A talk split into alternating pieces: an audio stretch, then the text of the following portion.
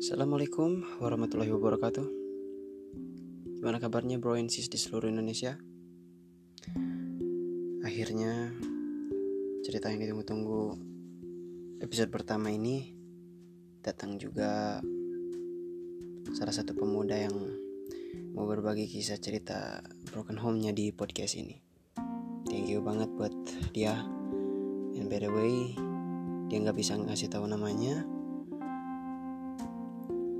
tapi dia benar-benar punya cerita yang lumayan inspiratif menurut gue untuk kalian-kalian yang bahasa lagi berada di posisi yang sama akan bisa menjadi sebuah inspirasi buat kalian. Dia bilang sebutin aja nama gue Dimas. Tapi bukan itu namanya. Dan dia punya cerita yang lumayan benar-benar inspiratif. Oke, tanpa berlama-lama, simetriskan posisi rebahan kalian, dengarkan dengarkan dengan sejuk, and check it out.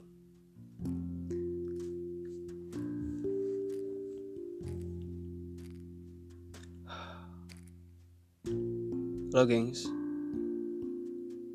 Panggil aja gue Dimas Gue salah satu pemuda di Bandung. Hmm, umur gue 20-an lah. Ya, sekarang 20-an.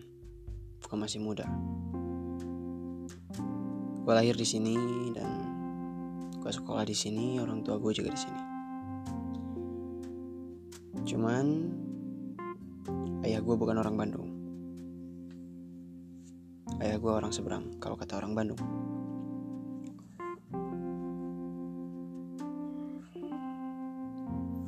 Gue rasa kisah yang gue alamin belakangan ini dan time lapse hidup gue ini bisa ngebantu kalian-kalian yang merasakan hal serupa sama gue dan gue yakin ba banyak di antara kalian yang serupa dengan gue. Oke. Okay? Dimulai gue lahir di sini. Gue sekolah di salah satu SD negeri di kota Bandung. Ya, lancar. Sekolah tua masih ada, um, gue tinggal di bersama orang tua gue ya gue tumbuh berkembang layaknya anak-anak SD yang lainnya. Um, sedikit normal sih. Gak terlalu nakal dan gak terlalu pendiam. Normal lah kalau di bangku kalau di bangku kelas tuh gue tengah-tengah. Gak di belakang banget gak di depan banget gak pinter gak bodoh. Ya netral terus masuk gua ke kelas 5 kelas 6 dan ya gue beberapa kali dapat ranking karena gue yang kadang-kadang rajin kerjain tugas dari guru-guru dan jarang juga yang membuat onar di sekolah. Sejak SD gue benar-benar suka banget yang namanya futsal. Olahraga adalah salah satu pelajaran yang paling gue bikin gue semangat lah di sekolah um, dan gue belum kenal cinta sih waktu itu. Yang gue kenal cuman permainan-permainan pada zamannya. Game stick lah cing jibe ucing-ucingan main bola pakai bola plastik ya bla bla seperti lainnya. Dan cerita dimulai saat gue naik ke SMP perpisahan SD gue lumayan seru. Ibu gue yang sosialisasi dengan ibu-ibu sekolah dan bapak gue yang datang pas perpisahan sekolah ya lumayan indah lah. Gue seneng banget saat itu. Walaupun gue nggak dapet ranking di kelas 6 SD tapi gue menyelesaikan UN dengan netral standar gak gak kecil gak besar juga nilainya. Tapi gue bisa bisa masuklah ke salah satu SMP negeri kayaknya di kota Bandung dengan mengandalkan um, zonasi seperti itulah. Dan cerita pahitnya dimulai saat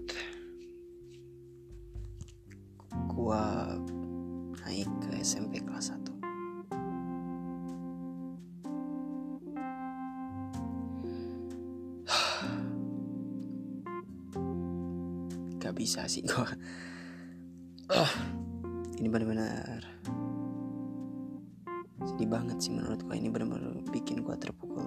Ya lu bayangin aja di di umur gue yang segitu di kelas 1 SMP gue harus ngalamin hal yang kayak gitu di depan mata gue dan di depan mata adik gue itu momen yang paling anjing sih emang semenjak kelas 6 SD orang tua sudah mulai bertengkar. Karena mereka sedikit masih ada rasa belum puas dengan masa mudanya. Karena gue lahir dari orang tua yang nikah muda. Ibu gue yang gak terlalu tua dan ayah gue yang masih agak muda lah. Dan mereka masih ya bisa dikatakan sedikit labil mendapatkan emosi atau masalah yang besar secara mendadak dimulai dari ya kelas 6 SD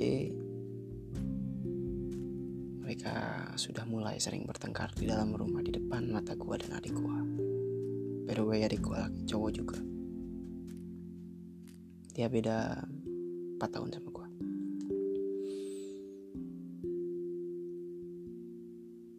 Itu udah mulai bikin gua jengkel sih diem di rumah. Kelas 5, kelas 6 gua udah mulai sering mondok. Dan apa nginep di salah satu teman-teman gua lah. Karena itu bikin gue better. Dan sampai kelas 1 terjadilah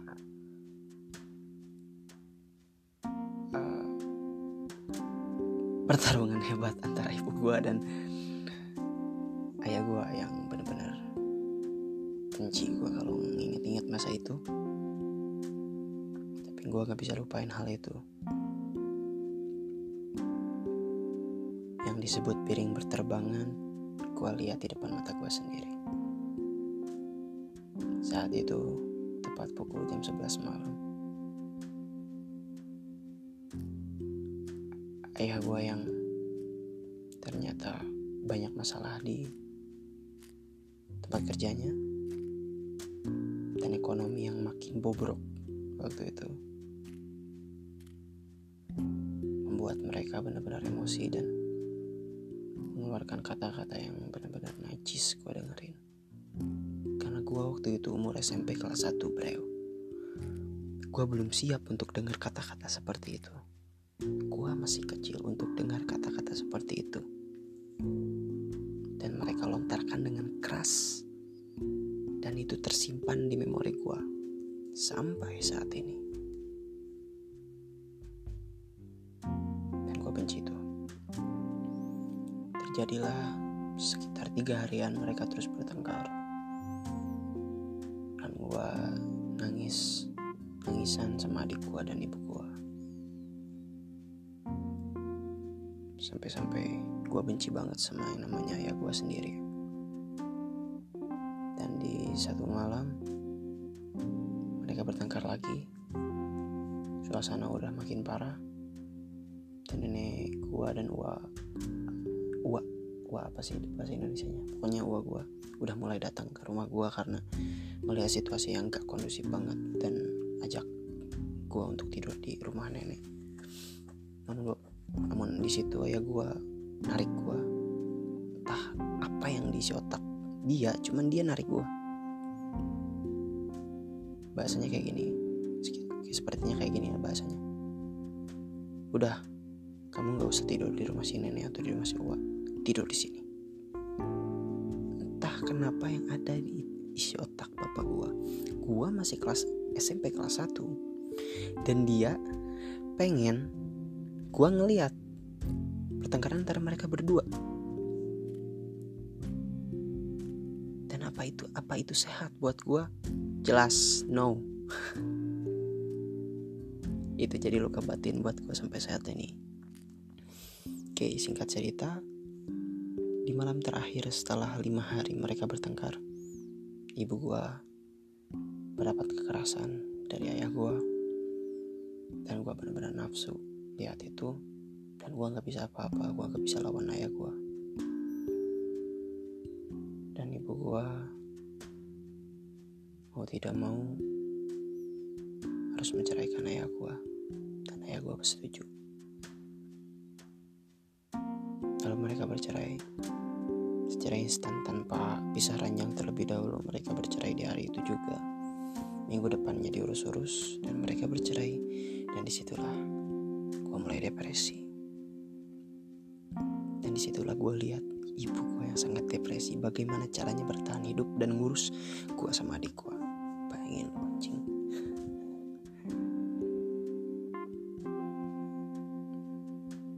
namun ibu gue yang yang masih muda dia benar-benar depresi tapi dia masih berjuang buat gue dia mulai cari kerja. Dan ya gue pergi entah ke mana. Banget emang. Dan sejak saat itu di sisi lain gue benar-benar kehilangan sosok ayah yang kadang-kadang ayah gue tuh sangat sayang banget sama gue dan kadang-kadang dia tuh benci banget sama gue entah kenapa dia kayak punya pribadi dua gitu.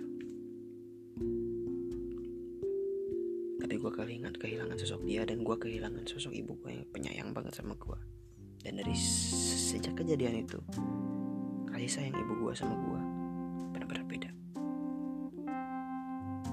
gue mikirnya kayak gini sih.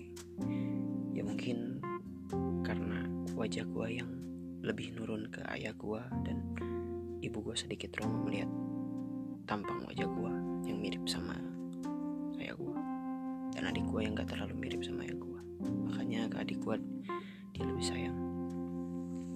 Dan di situ gue ngerasa kehilangan dua-duanya. Di situlah mulai gue menjadi anak broken home di situ gue nggak dapatin lagi kasih sayang di situ gue kekurangan uang jajan di situ gue gak pernah lagi ditanyain kabar kapan pulang di situ gue nggak pernah. Yang namanya dipeluk sama salah satu dari mereka di situ gue ngerasa kayak hidup sendiri. Dan dari hari hari hari kerja hari gue lampiasin itu semua ke futsal. Gue seneng banget sih karena di umur gue segitu gue bisa cari cara biar gue bisa melampiaskan emosi-emosi gue yang terpendam. Dan gue mulai rajin futsal di SMP dan dengan fisik gue yang ya standar juga sih. Gue masuk ke salah satu tim yang di SMP itu salah satu SMP swasta di kota Bandung. Namun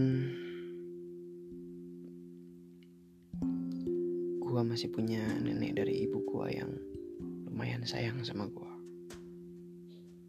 Dan itu bikin gua sedikit tertolong. Dan nenek gua ngerti, nenek gua memberikan apa yang gua rindukan Singkat cerita SMP gue laluin. Dan gue naik ke SMP ke SMA kelas 1 dan lagi-lagi gue netral gak terlalu pintar dan gak terlalu bodoh. Gue naik dengan name yang standar juga. Karena gue lebih fokus di futsal. Di SMP gue berkali-kali tanding futsal. Dan gue dikenal sebagai orang yang arogan saat di lapangan. Atau gue istilahnya nafsuan lah. Gue sering banget berantem di lapangan ataupun di SMP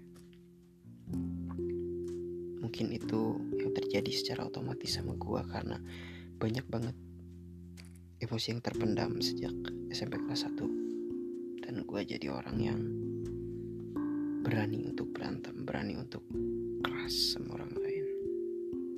Walaupun demikian, teman-teman gue respect sama gue dan menghargai apa yang gue punya, apa skill yang gue punya. Dan jika kalian belum bisa ngebayangin gue, ciri-ciri gue sejak SMP kelas 3, rambut gue hitam ikal alis gue agak tebal dan gue putih. Ya lumayan putih lah. Turun dari ayah gue yang orang seberang. Dan ya gue bisa dikatakan sedikit lumayan ganteng lah. Sehingga zaman SMP gue sudah mulai yang namanya pacaran.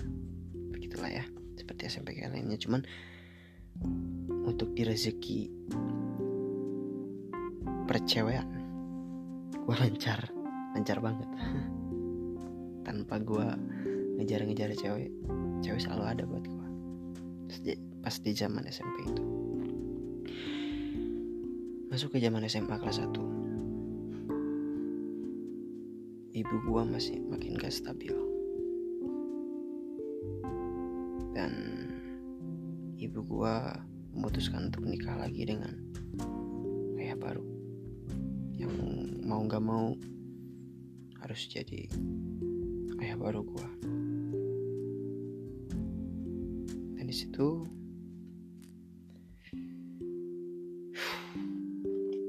gue masih belum bisa menerima sih